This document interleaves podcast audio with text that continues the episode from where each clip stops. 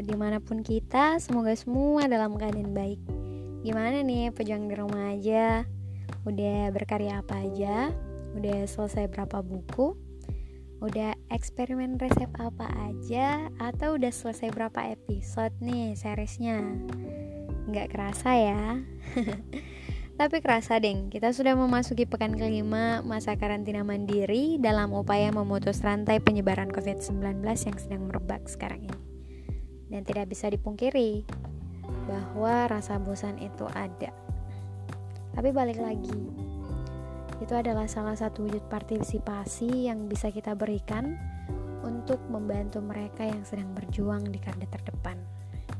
Jika mengingat kembali nih, sebelum masa karantina pasti beberapa dari kita pernah hmm, berekspektasi kalau semua akan baik-baik saja kita sudah biasa di rumah bahkan uh, kita tergolong orang-orang yang suka rebahan.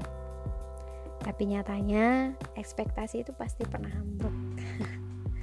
Entah itu di pekan kedua pekan ketiga atau bahkan sedang berlangsung saat ini.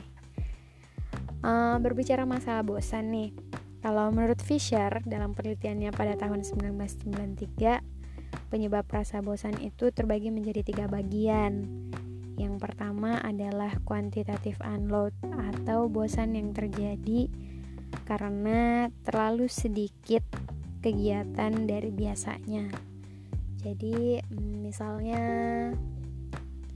orang-orang kantoran yang biasanya kerja dari pukul 7 sampai pukul 6 sore tiba-tiba harus di rumah lalu yang kedua adalah kualitatif unload atau bosan yang terjadi kepada seseorang ketika kegiatan yang dilakukan tidak lagi menantang. Hmm, mungkin ini kategorinya bisa masuk untuk orang-orang yang sering bekerja lapangan. Yang biasanya harus melewati jalur ini itu atau harus mengerjakan ini itu uh, olah rasa pekerja seni misalnya. Uh, dan tiba-tiba harus di rumah tentu uh, itu hal yang akan menyebabkan rasa bosan. Kemudian yang ketiga kualitatif overload atau bosan yang terjadi ketika seseorang uh, melakukan kegiatan yang terlalu banyak atau terkesannya dipaksakan.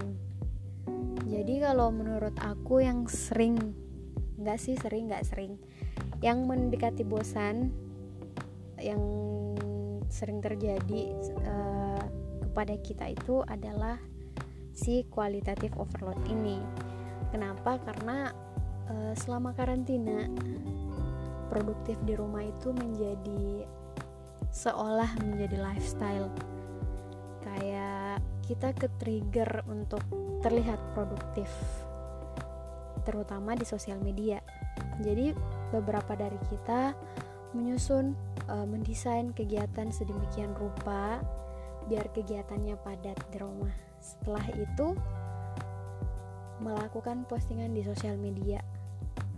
Dan sadar nggak sadar yang terjadi adalah kita terlibat seolah terlibat perlombaan untuk terlihat mana yang paling produktif. Padahal belum tentu beberapa beberapa kegiatan sorry beberapa kegiatan yang kita rancang itu cocok sama diri kita.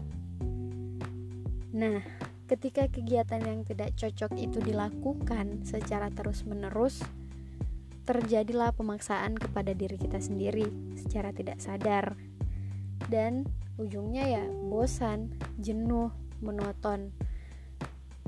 Kita nggak sadar itu. Dan ujung dari bosan itu sendiri adalah kita menjadi ah uring-uringan, mengutuk keadaan dan lain sebagainya. Jadi, gimana nih? Ada yang merasa seperti itu? kalau iya, yuk kita introspeksi diri sendiri. Apakah produktif kita selama ini benar-benar keinginan kita atau hanya sekedar ke trigger sama orang-orang di sosial media yang berlalu lalang hmm, mungkin itu dulu dari saya. Uh, untuk semua orang semua teman-teman yang masih harus di luar rumah stay safe yang mereka di garda garda terdepan semangat. Pokoknya semoga semua ini lekas normal lekas membaik. Terima kasih